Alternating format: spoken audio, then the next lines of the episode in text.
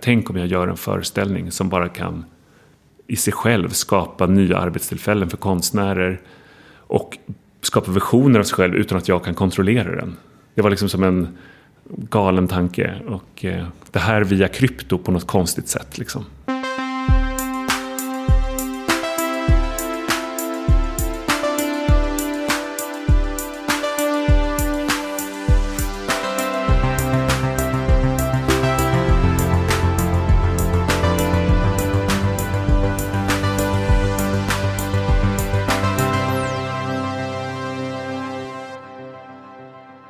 Hjärtligt välkommen tillbaka till podden som heter Heja Framtiden.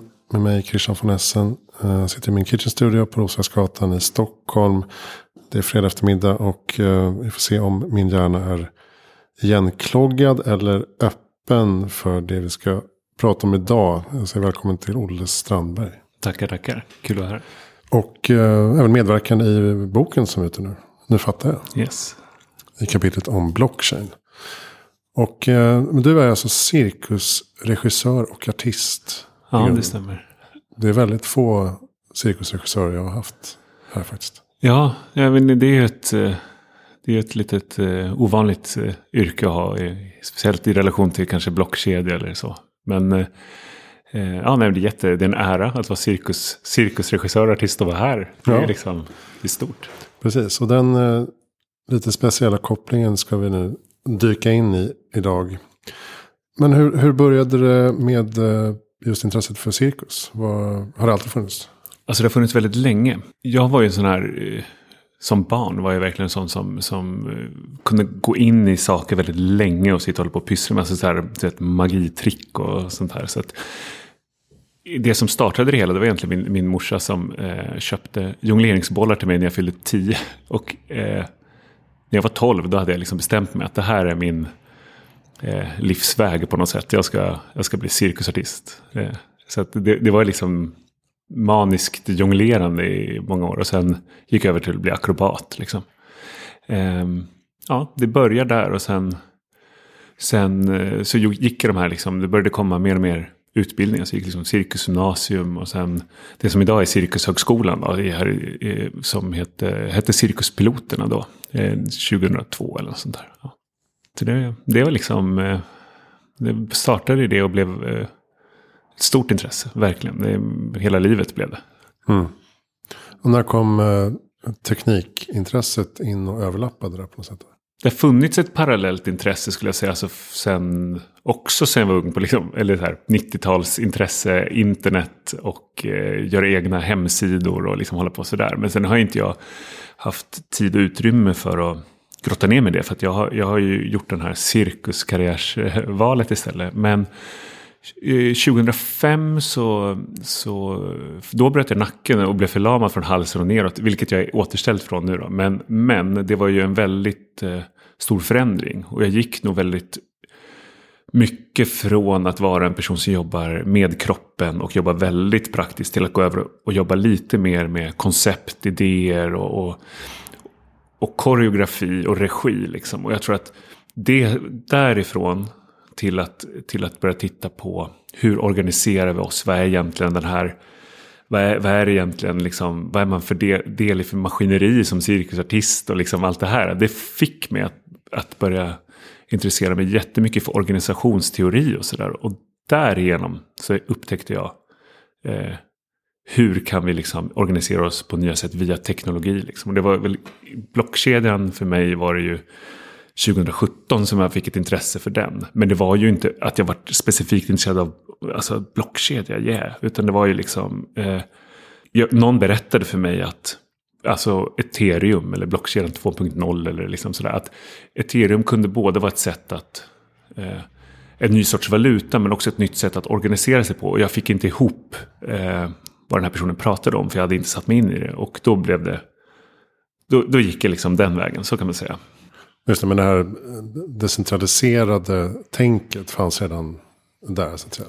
Ja, alltså jag, jag tycker att, alltså jag skulle säga egentligen att hela kultursektorn å ena sidan är ganska konservativ. Nu vill jag inte liksom, nu är det ju extremt många liksom tankar och, och människor med visioner och så vidare som finns där. Men det är också väldigt många som befinner sig i en eh, struktur där man inte ser en annan utväg än att jobba så som det blir serverat eller så som man måste göra för att få sina pengar eller anställningar eller eh, sådär. Och det är svårt att, att liksom anamma en eh, andra format och andra sätt. Eh, och det här gjorde mig ganska frustrerad när jag väl började tänka på men hur mycket av de här resurserna som kommer in i eh, den här organisationen går egentligen till konstskapande och hur mycket av det här är egentligen kreativt arbete och hur mycket är eh, liksom att hålla tillbaks kreativitet och sådär. Och, och, och, genom det så hittade jag ett intresse för någonting lite mer platt. Eh, fortfarande att hierarkier kan få finnas men, men att det är en liksom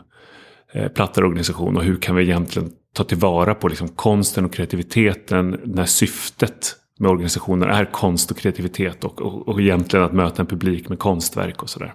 Så då, var, då synkade det väldigt bra med visionen om vad eh, krypton eller, eller blockkedjan skulle kunna, eller webb 3, eller hur man nu ska prata om det, skulle kunna liksom förändra hur vi arbetar tillsammans.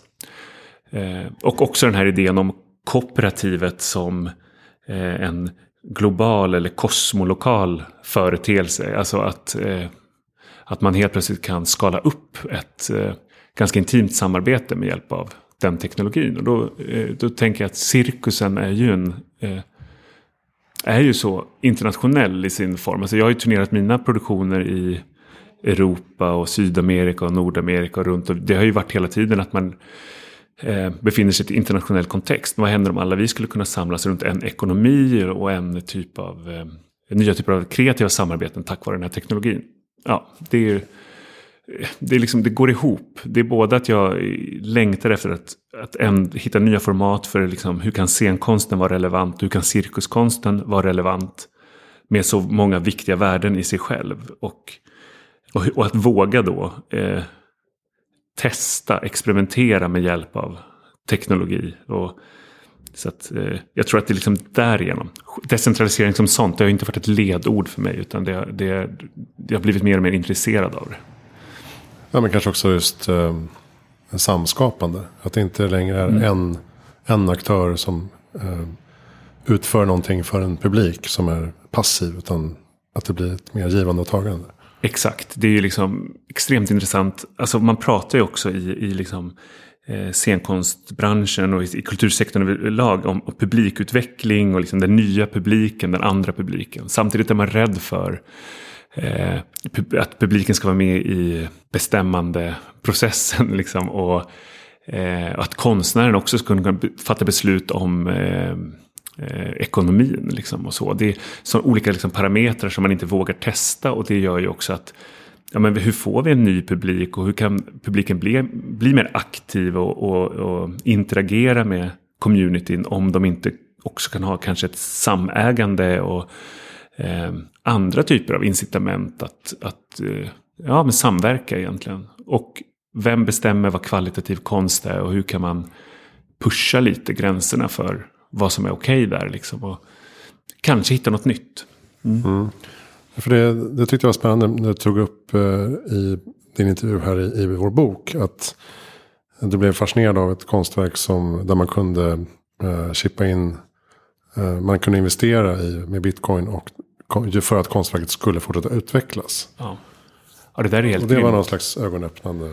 Eh, Ja, det var där 2017. Det, det var faktiskt, eh, det kom en bok som heter liksom Artist Reinventing the Blockchain. Och i den boken så eh, förekom Primavera de Filippi som är liksom konstnär men egentligen jobbar mest med copyright IP-frågor. Eh, inte inom konst så, men, men gjorde det här konstverket. Och att för mig var det liksom fantastiskt för det var mekaniska plantor som då ställdes ut. Och så de kallas för plantoider. Så projektet heter Plantoids.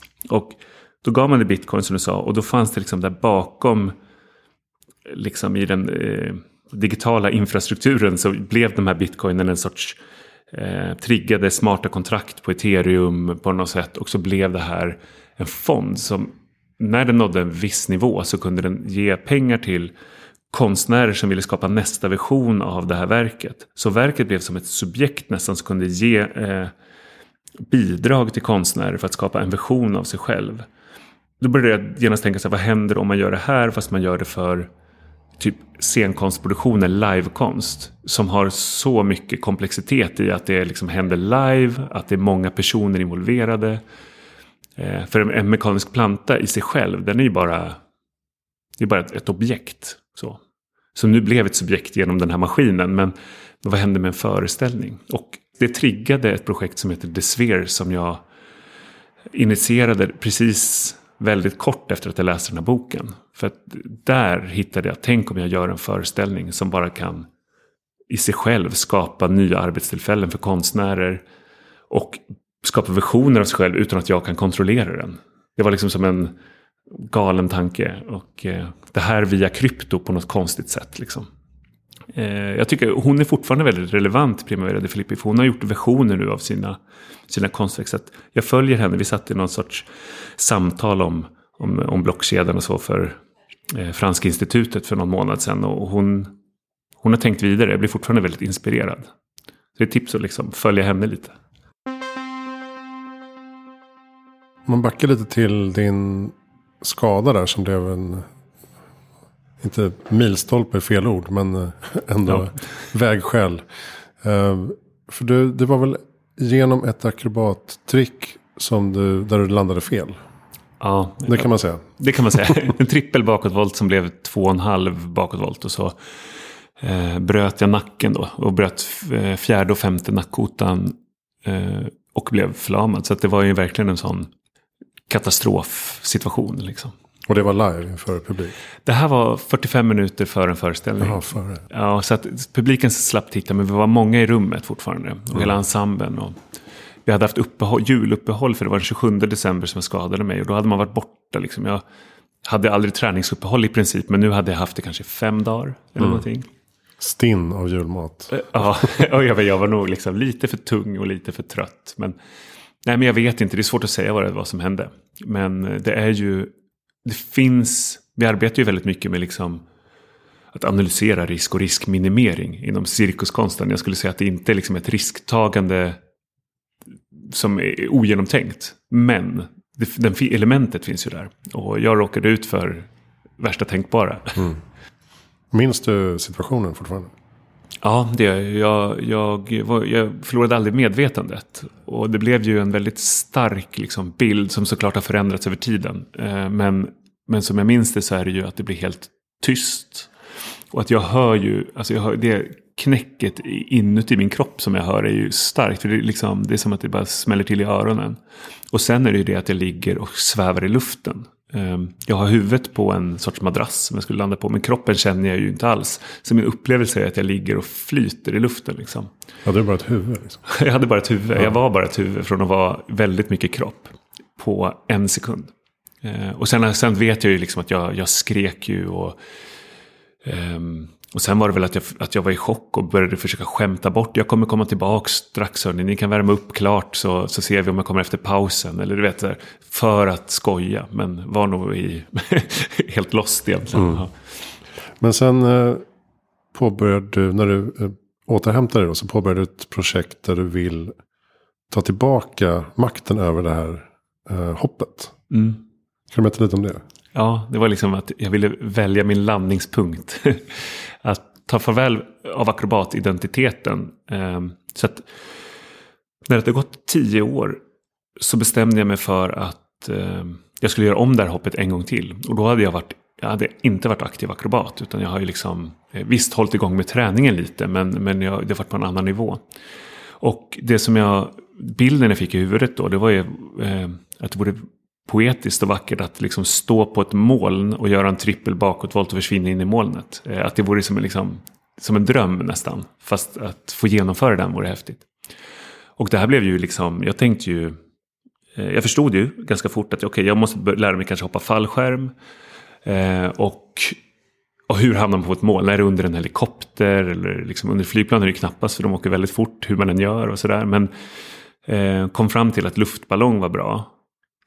Eh, så då var det så här, vi byggde eh, eh, korgen på en luftballong och sen så hänger det fyra stycken linor, 100 meter långa, under den här korgen.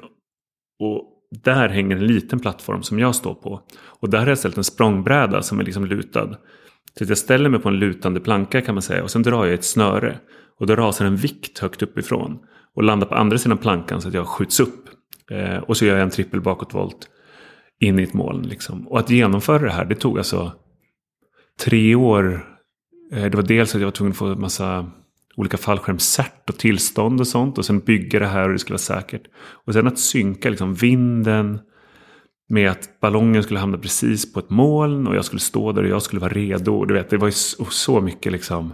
Jag trodde det skulle ta, att jag skulle klara det på tioårsjubileet. Men det blev 2018 som jag genomförde det, mars 2018. Så det tog ju 13 år i all in all, liksom tre års projekt. Men det var skithäftigt och det är liksom eh, det skulle bli som en, ett kort filmklipp som var poetiskt. Men också just att ha gjort det här tillsammans med ett crew. Som liksom, vi blev ju väldigt samkörda. Och jag fick lära mig väldigt mycket om fallskärmshoppning. Det var väldigt mycket intressant och så interdisciplinär eh, samarbete. Och sen blev det ett cirkustrick som verkligen kändes som något helt nytt format för vad jag var van vid i alla fall. Och, mm. eh, och det blev ju, jag lyckades ju. och jag landade i djup snö i Klövsjö. Eller lite utanför Skålan, ett litet samhälle. Eh, vi startade från Skålan Johans gård som var liksom jätteschysst. Och jag kallar honom Skålan Johan, jag glömde bort vad han hette efter. Och eh, han hjälpte till liksom med den här två meter snön och liksom försöka bygga upp vår fallskär, eller luftballong och så här. Starkt minne. Ja. Så det blev ett slags konstverk i sig då kan man säga? Ja, det blev det. Och det blev ett liksom livekonstverk väldigt mycket. Och sen, vi hade ju problem för att dagen innan jag gjorde hoppet skulle jag ha gjort hoppet egentligen. Men då tog eh, bränslet tog slut i, i, luftballongen och det gick inte att få tag på någonstans. Så att eh, ja, vi var tvungna att liksom skjuta det till nästa dag. Då försvann hela filmteamet eh, som skulle vara med för. Så vi var tvungna att liksom med helikopter få ner folk från Östersund till den här platsen för att hinna filma redan nästa dag. Och de visste inte ens vad vi höll på med. Eh, så det, det låter väldigt dyrt allting. Alltså, det här var helt sjukt. Alltså, det är också ett nollresurs-projekt eh, där vi liksom... Eh, vi ville genomföra det här. Och sen så drar det ut på tiden. Nej, det var helt vansinnigt vad, vad pank man blev. Så kan man säga. Men du gjorde det? ja, och väldigt många, väldigt många snälla personer var ju där med och stöttade visionen. Så kan jag ju säga. Om vi återgår lite till um blockchain och eh, konst och kultur. Eller blockchain måste vi inte begränsa det till. Jag, mm. jag pratade tidigare, jag, jag intervjuade eh, Jakob Fällen där för några veckor sedan. Mm. Som är konstnär. Som berättar hur han kan um, genom att använda sig av metaverse så att säga ta sig in i sina egna konstverk. Ta nya foton inne i konstverket och eh, publiken kan interagera. Han laborerar med liksom QR-koder, eh, kläder, musik och så vidare.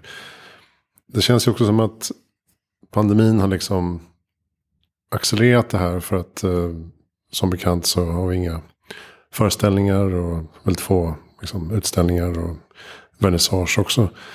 Är det här med till exempel blockchain inom konst och kultur, är det en stor grej redan idag? Eller är det liksom en eh, exponentiell kurva som har börjat precis? Jag skulle säga att det absolut har börjat precis. Eh, det finns en, eh, det, det, som man har pratat om så mycket när man håller på med det här, men den hypen som har funnits under det sista året på NFT. Det är klart att det, det är en speciell typ av hype. Och jag har svårt att tänka mig att den exponentiellt skulle öka i sig själv. Däremot så fick den människor att, eh, som annars inte skulle göra det, att börja titta på den här teknologin. Och det tror jag kan generera väldigt mycket. Jag är inte alls särskilt intresserad av eh, NFTs eller, eller blockkedjan. Dels blockkedjan bara som ett sorts stort arkiv eh, och NFTs som en sorts liksom bara liksom stämpla någonting som original och sälja det till högstbjudande och liksom försöka maxa den typen av eh, profit på det man gör. Alltså jag tror, jag, det är inte det som, som eh, kanske har drivit mig överhuvudtaget. Utan Eh, det jag ser nu det är att folk genom det NFT så börjar folk titta också på någonting som kallas för DAO. Liksom lite mer som har funnits såklart. Eh, som är decentraliserade autonoma organisationer. Alltså att vi kan komma tillsammans, skapa gemenskaper. Och i det så tror jag, och där kan NFTs funka som, som triggers till att skapa en community och sånt. Det där kommer vi se mycket mer av skulle jag säga. Och det viktiga tycker jag, det är att inte liksom se bara det här att stämpla någonting som original, utan att börja skicka saker till framtiden. Och det tycker jag är, jättespännande att tänka på när jag tänker på blockchain. Att de elementen, alltså det som man, ja, de NFTs som mintas där, eller vilka andra typer av tokens eller så man skapar, är, kan också ha ett meddelande eller en sorts ambition framåt i tiden, där man kanske Eh, kan ha annan typ av användning av dem eller så. Alltså för mig med konsten, då tänker jag ju liksom att de konstverken nu för tiden, kan, vi kan, just nu kan vi inte spela liveföreställningar nästan alls. Men vi skulle kunna skapa representationer av liveföreställningar som inte alls ska försöka se ut som dem, utan bara representera dem som digitala artefakter som är mellan stadier, typ mellan scener. Så att nu måste vi liksom ta den här föreställningen, placera den i metagalleriet och Sen kan den aktiveras och den kan få ett nytt liv i framtiden via andra konstnärer som kan ta den vidare när den är redo till exempel. Och det skulle de kunna skapa en hel eh, gemenskap kring. Och det där är ett skitspännande sätt att tänka på konsten och konstens liksom, eh, potential att skapa gemenskap och mm, happenings. Och, eh, det är en ganska vacker eh, liksom nästan lite så här karmisk, vacker bild. Liksom. Men samtidigt måste man ju vara beredd på att ens verk kanske utvecklas på ett sätt som man inte hade hoppats på. Absolut. Alltså, det är det här, vad är mitt också? Mm. Um, att vara rädd och vilja kontrollera, vad händer med mitt verk? Uh, det finns helt inbyggt i det system där vi befinner oss och i den typen av copyright vi befinner oss eller, eller immateriella rättigheter som vi värnar om och vi ska värna om. Men om man tittar på ett liksom parallellt scenario där eh, själva delningen av verket är en del av själva verket och framtida versioner av verket är någonting man har satt igång. Jag menar, ja, då kan det komma folk med andra ideologier som gör ett en annan version av verket. Men kommer, den, kommer din community att plocka upp det verket, eh, uppskatta den och eh, kanske investera i den eller inte? Det får man ju titta på. Eller, liksom på, vilk, eller på vilket sätt kan det inte, kanske blir det en intressant conversation piece i sig själv. Att okej, okay, det här verket blev det här. Var då originalverket liksom en maskin som skapar ondska? Liksom, eller vad, vad hände? Liksom? Det, det kan vara roligt att följa och spåra. Eh, kreativt sett liksom. Mm. Nu spånar jag lite här, men det jag tänker, den frågan tycker jag är väldigt svår. Så här, är det, kommer det exponentiellt att öka? Jag tror liksom att det finns en sida av metaverse som kommer att öka. Som kommer vara väldigt fokuserad på alltså kommodifikation av vad som helst och försöka kränga och liksom så här, vi våra avatarer ska ha den här typen av eh, kläder på sig och vi kommer att Ja, men sen vi behöver och vi finns ju ett gäng konstnärliga personer eller personer som i alla fall har en ambition av att utmana vad det här kan bli. Det kommer finnas alternativ också. mm. eh, exakt hur någonting kommer se ut, det är svårt. Ja. Men, men jag, tror att vi, jag tror att vi är på väg i alla fall mot någonting som, som, som genererar en sorts eh, generositet. Man delar med sina verk, man delar liksom eh, idéer och man skapar tillsammans. Och det genererar liksom en typ av tilltro till framtiden kanske. Och kanske en sorts sätt att vara kreativ också när det inte... Eh, som inte bara alltså live-performancet som en sorts eh, digital, digitalt objekt. Det är ju liksom väldigt märkligt. Jag tycker det, ja, det är någonting, det, det triggar ju idéer i alla fall. Mm. Mm. Ska vi bara för att vara schyssta reda ut lite vad, vad, NFT är och vad det innebär egentligen. Det non, kan vi ju Non-fungible tokens. Ja. Som folk slänger sig med nu men Exakt. kanske inte riktigt fattar vad som händer bakom. Nej, precis. Det var ganska intressant. Det sista som sades i kulturnyheterna vet jag i december förra året. Det sista som han en av kritikerna där sa det var NFTs nej tack. Eller kryptokonst nej tack. Punkt. Ja. Det var summeringen av året. Wow. Det var intressant. Liksom. Så det, det finns en stark sån. Och med all rätt också. Det finns kritik mot det som har försiggått. Eh, men NFTs, non-fungible token. Man kan titta på det som att Non-fungible, det här är ju den eviga förklaringsmodellen, men non-fungible är alltså att någonting inte är utbytbart, så outbytbart. Jämfört med pengar är fungible, eh, pengar. Du ger, lånar ut 10 kronor får tillbaka 2 5 kronor. Du är okej okay med det. För det är samma sak, mer eller mindre, för dig. Däremot du lånar ut eh, typ din mobiltelefon och får tillbaka en annan mobiltelefon. Då kanske du saknar din mobiltelefon för du vill ha dina kontakter och annat. Det kanske också var en bättre modell eller jag vet inte. Och den är då non-fungible. Den har ett, eh, ett värde kopplat till annat. Eh, Eh, alltså det är för många parametrar som gör att den inte går att byta ut helt enkelt. Mm. Och non-fungible token det innebär ju i kryptosfären så är tokens, alltså man kan tänka på det som ett mynt eller en polett. Det är egentligen bara att eh, istället för eh, att det kan vara ett unikt objekt kopplat till en non-fungible token. Så kan man väl säga. Det går liksom inte att eh, kopiera. Och det, man, kan, man kan kopiera och dela men inte själva originalfilen. Eller non-fungible tokens pekar på en originalfil. Någonting som är verifierat som en originalfil. Vad är det egentligen?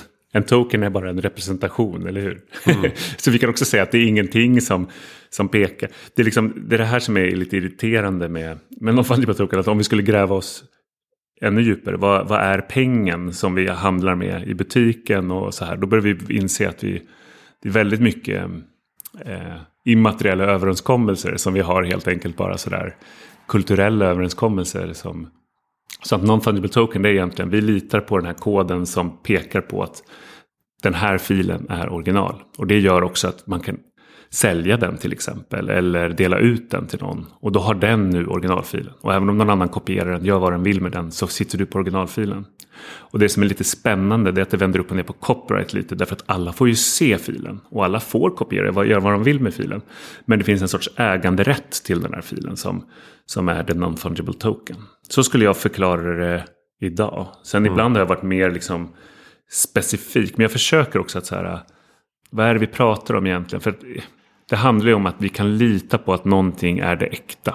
Eh, och eh, det i sig är problematiskt ibland, tycker jag. Men det är det en non-fungible token gör.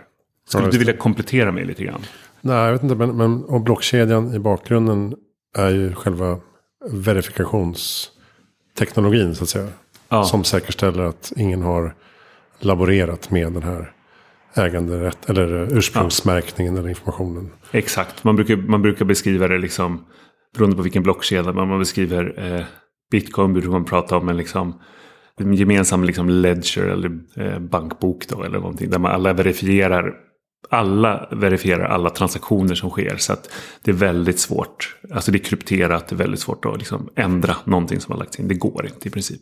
Och i, i nästa generation eller ethereum då pratar man om eh, att det är som en gemensam dator egentligen. Vi kan programmera de här pengarna eller programmera Eh, men vi kan fortfarande, liksom, när vi, alla transaktioner som händer är helt eh, i princip ohackbara. Och vi kan se när de hände och mellan vilka eh, digitala plånböcker det hände i princip. Eller vad sådär. Vilken typ av metadata som finns och sådär. Mm. Så, så, så, kan man ju tänka på det. Och då är NFT en, en, en sorts eh, token eller en sorts kryptotillgång. Liksom. Mm, just det. Och du håller på att skapa nu ett eh, NFT-galleri. Mm. Vad, eh, vad kommer hända där och vad innebär det? Det är, liksom, det är verkligen en milstolpe. På, eh, jag på att jobba då med det här projektet med att på något sätt få in scenkonsten och livekonsten i det digitala och i krypto på något sätt. För att eh, liksom utforska vad det skulle innebära.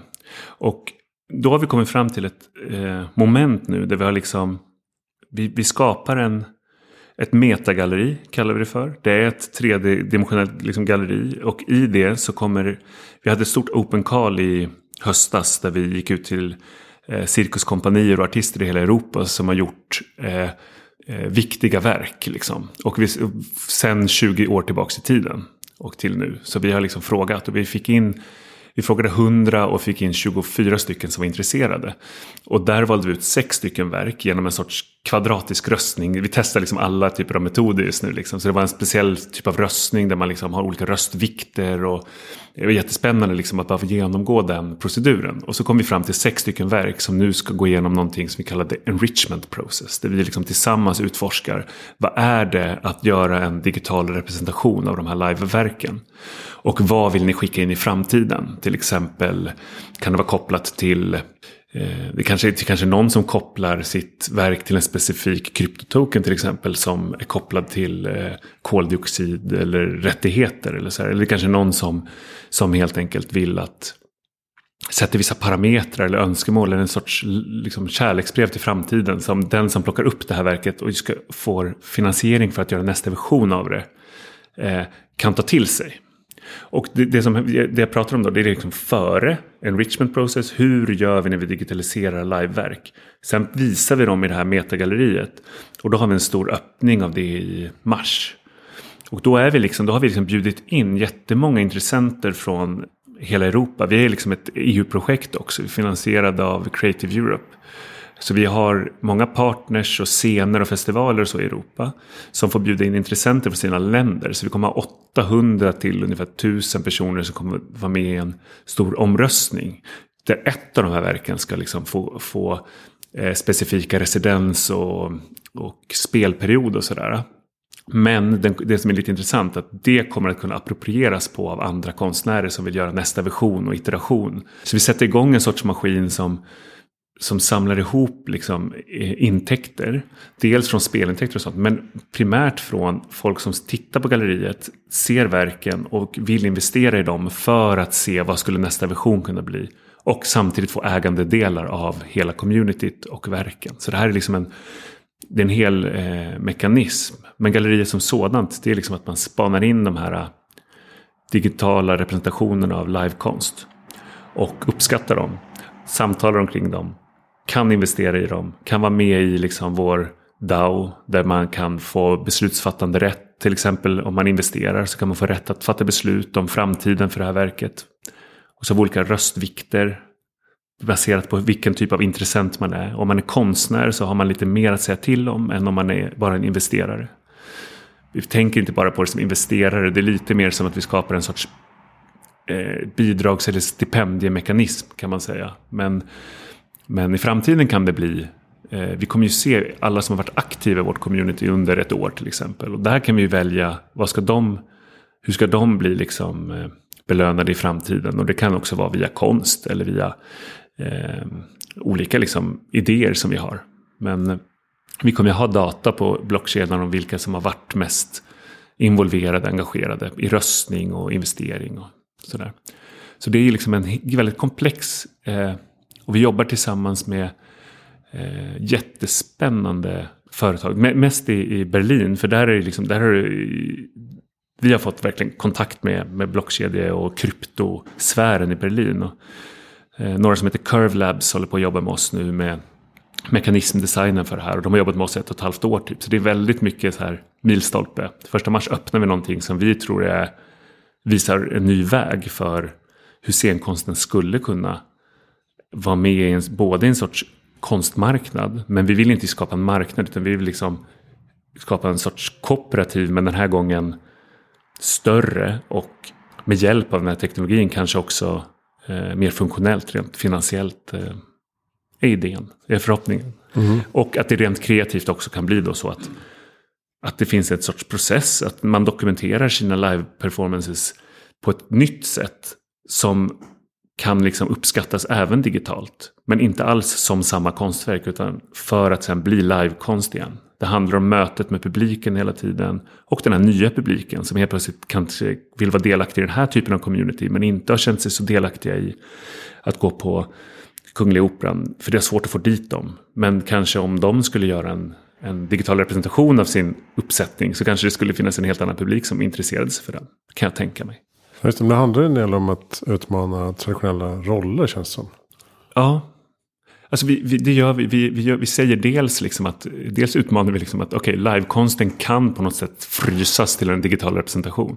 Vilket är kontroversiellt, men det vi vill säga är att vi vill experimentera med det. Det är inte så här, det här blir mycket bättre. Eh, men det är ett sätt att kanske också få in nya medel till scenkonsten och, och livekonsten. Och sen så säger vi också, okej, okay, vilka har beslutsfattande rätt här? Till exempel kan vi bjuda in all, all typ av publik som är intresserad av lokal, eh, vad som händer lokalt. Skulle också kunna ha beslutsfattande rätt kring en viss festival eller kring en viss föreställning. Eh, och då har vi, leker ju vi nu med någonting som heter kvadratisk röstning och quadratic funding. Liksom, som är kanske någonting vi inte ska gå in på riktigt. Men man kan liksom, vi kan gå in på det om du vill. Men eh, det som är då egentligen det är att vi, kan, vi delar ut olika mängd röster till olika. Men alla har liksom... Det här gör att man liksom distribuerar sina röster lite mer eh, utspritt. Så istället för att ge allting till en som man tycker om så förlorar man eftersom det blir kvadratiskt dyrare att rösta mer. Man har 100 röstningstoken så kostar det först liksom en, sen kostar det två, sen kostar det fyra liksom, och sen kostar det 16 att rösta för, för varje röstningspoäng. Liksom. Det går upp mm. exponentiellt ökar det. Så då vill man ju hellre kanske, man kanske inte tjänar så mycket på att rösta från 50 till 100 röster på någon. Eh, men däremot från 0 till 50. Och då vill man ju distribuera de andra till de man tycker är näst bäst. Eller det här är också lite spännande. Och då får man en kanske mer nyanserad bild av våra preferenser än det här en person, en röst-systemet. Och det här tycker vi är jätteintressant för det skulle man kunna applicera på konsten och få kvalitativ konst där många har varit med och fattat beslut. Eh, och där konstnärer har en, eh, mycket att säga till om men, men fortfarande liksom vågar släppa till både kulturprofessionella och scener och så, men också till publiken. Jag tror att det kommer skapa ett, en samhörighet som, som är... Om det här skulle börja användas i framtiden mer också så skapar det ju en... Det som kallas för skin in the game. På, liksom, men alltså en sorts... Eh, vi har gått in, vi är med i risken och möjligheten av vad det här kan bli. Därför känner vi mycket för det här. Mm. Det är det vi försöker skapa. Precis, så det är spännande eftersom det här eh, sättet att tänka tänka och jobba och organisera sig. Det, det är ju inte bara så här kultur. Det är ju det är ekonomi, det är demokrati, musik. Alltså det finns ju oändliga sätt att mm. äh, laborera med det här. Ja. Men är, eh, är ett dilemma att det är så svårt att förklara och förstå äh, många av de här mm. äh, koncepten och begreppen? Absolut, det handlar ju om, nu, och jag är ju, det här är ett problem för mig också för att jag har varit inne i det här lite för många år nu. För att, eh, du vet man gräver sig in i någonting. Så det är väldigt svårt att liksom eh, kunna formulera mig till eh, till de som inte alls har koll. För att jag, jag, barriären för vad som är vanligt och ovanligt har försvunnit. Liksom. Eh, jag slänger mig med ord som liksom webb 3. Du tycker, men det sammanfattar ju allting så himla bra. Så mm. jag skiter i det med blockchain. Jag säger webb 3. Men då är det ytterligare en begrepp. Och helt plötsligt blir folk, vad, vad menade du där då? Mm. Ja men webb 2, det är typ sociala medier och den typen. Och webb 3, det är transaktioner. Och liksom, det handlar mer om, eh, det, är liksom, det är det som är det som blockkedjan till exempel hjälper till att skapa. Men det finns även andra, så där börjar jag hålla på. Det där är ju för jävligt egentligen. Eh, eh och det är liksom, det, det, det där jag kan känna också är väldigt härligt med den här milstolpen, metagalleriet. Därför att det vi kommer ha är en vi kommer bjudit in väldigt många till praktisk erfarenhet av vad vi menar. Vi kommer själva få titta, känna.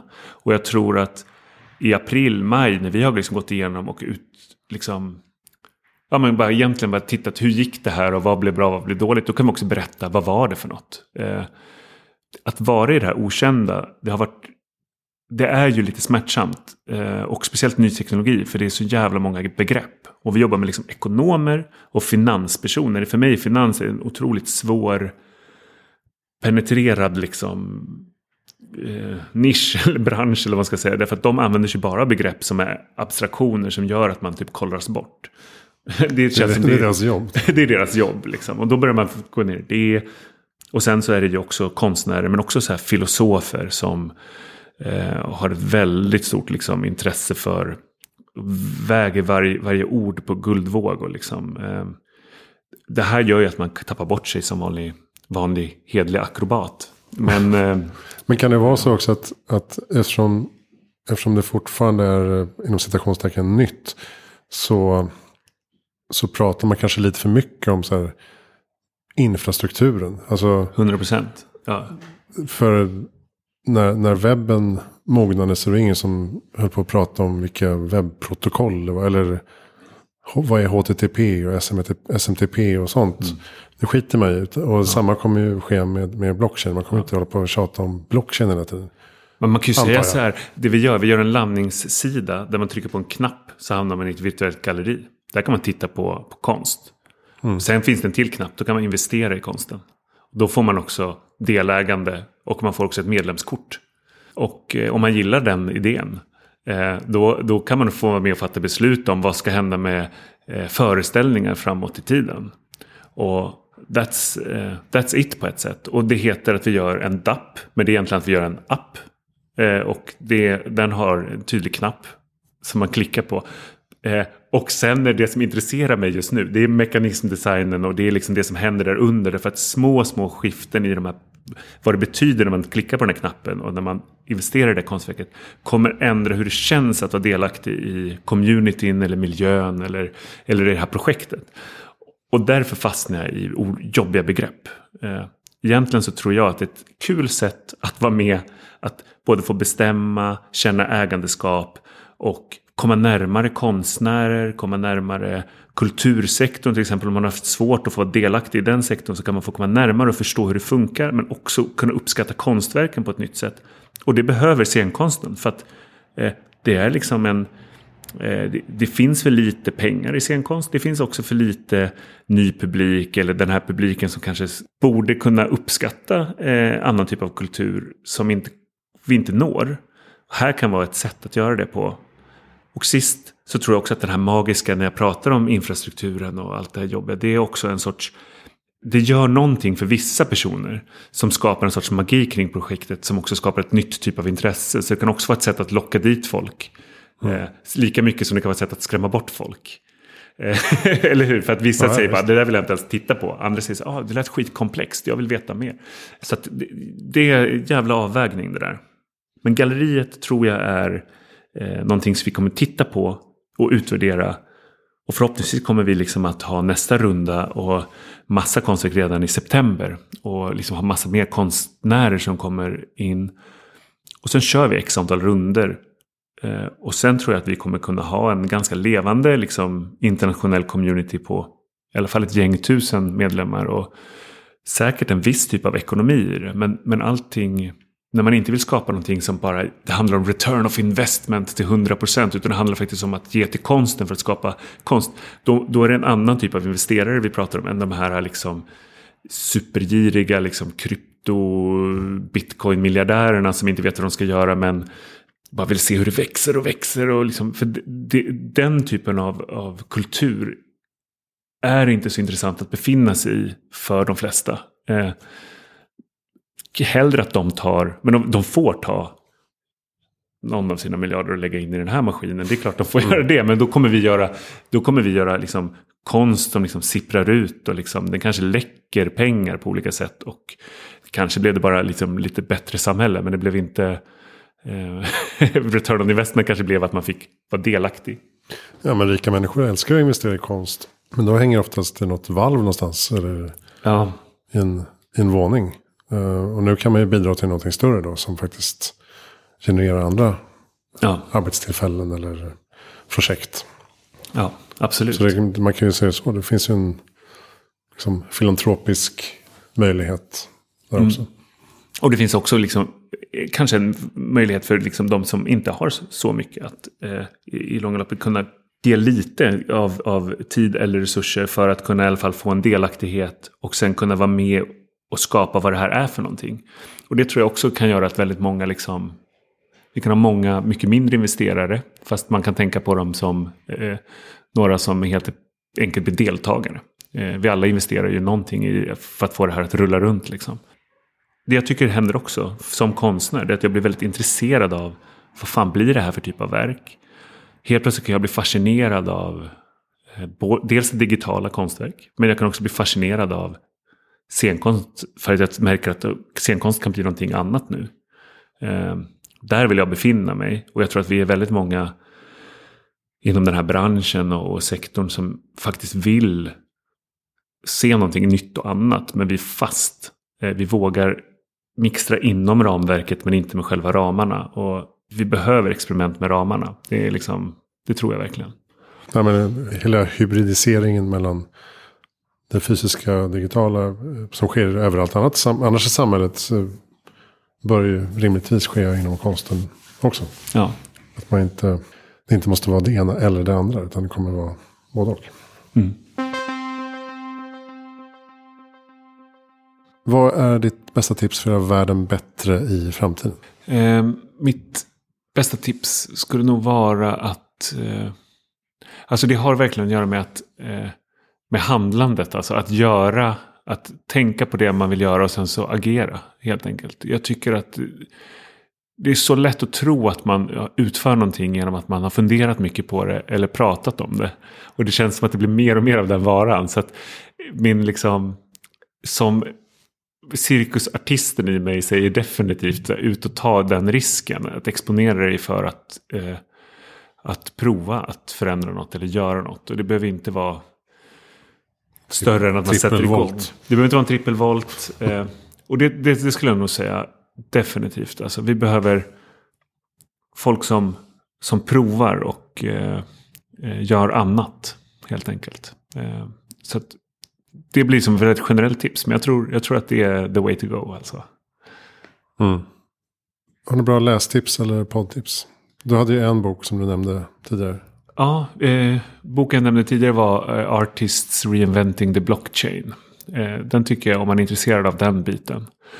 Jag har två böcker. Jag har en som heter eh, Live Forever. Som jag tycker är jättebra. Som eh, handlar om, om just eh, att samla på, på livekonst. Och hela idén om alltså den paradoxen. Och det är roligt att det finns en sån, en sån bok. Och den är skriven av många.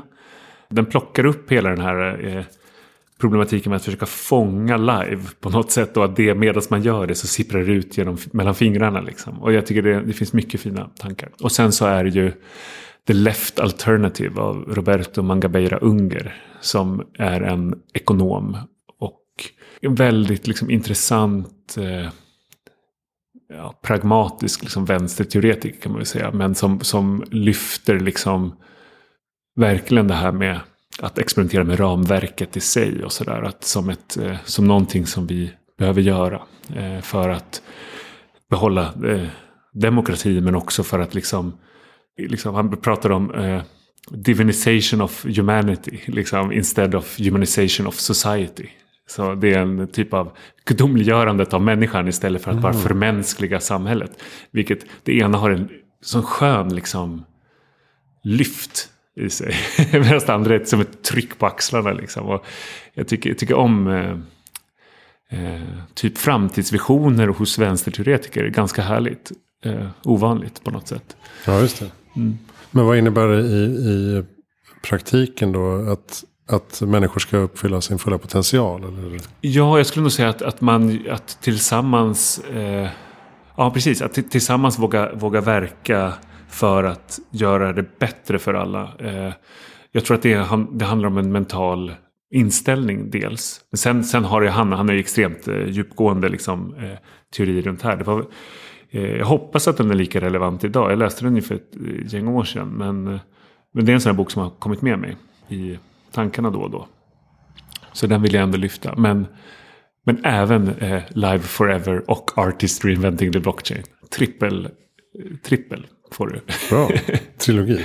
ja. Um, vem tycker att du ska intervjua? Jag tycker att du ska intervjua Karin Pettersson. Tycker jag som är kulturchef på Aftonbladet. Mm eh, väldigt, eh, väldigt kunnig runt sociala medier och den det problemet som har uppstått i vår demokrati på grund av dessa och är insatt i, i, i de frågorna och är väldigt liksom kul att snacka med. Så det skulle jag tänka är ett toppentips. Annars finns det ju liksom så många. Men jag väljer bara, jag väljer bara en den här gången. Det är hon. Mm. Och eh, personen som tipsade om dig var ju Emma Stenström på Handelshögskolan. Mm. Som gör väldigt många spännande projekt.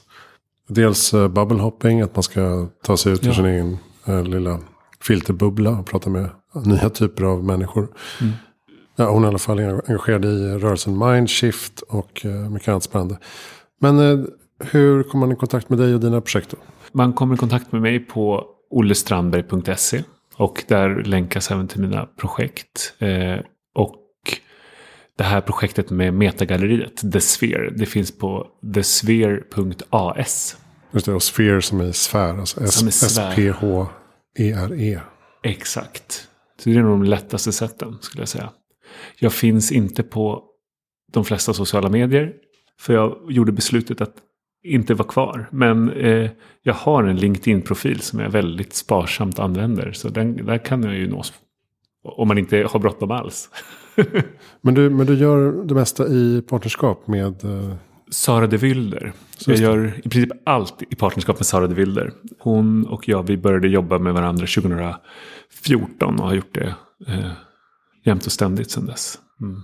Saloranta och de Wilder heter vi som eh, vår liksom vårt kompani. Vi, vi jobbar ju verkligen för att eh, på något sätt hitta nya, alltså det vi håller på med nu, nya format för scenkonsten med cirkus som, som liksom kärna. Men som blir interdisciplinära projekt av olika slag. Eh, är man intresserad av sånt så kan man kontakta oss. Men då är det salorantadevylder.com. Men den är svår att säga så man kan gå till olestrandberg.se och sen klicka på länken om man vill också. Mm, det, det är smart. Bra, tack snälla Olle för att du kom till framtiden. Ja, det var jättekul att komma. Tack. Lite av det vi pratar om finns som sagt i boken Nu fattar jag. Eh, som finns ute nu. Och man kan beställa till mängdrabatt på nufattarjag.se. Eh, enkelt, bara fylla i sin eh, fakturadress så fixar vi signerade exemplar. Annars eh, hejaframtiden.se framtiden.se med alla intervjupersoner, och projekt, magasin och föreläsningar. För min del heter Christian von Essen. Tack för att du lyssnade.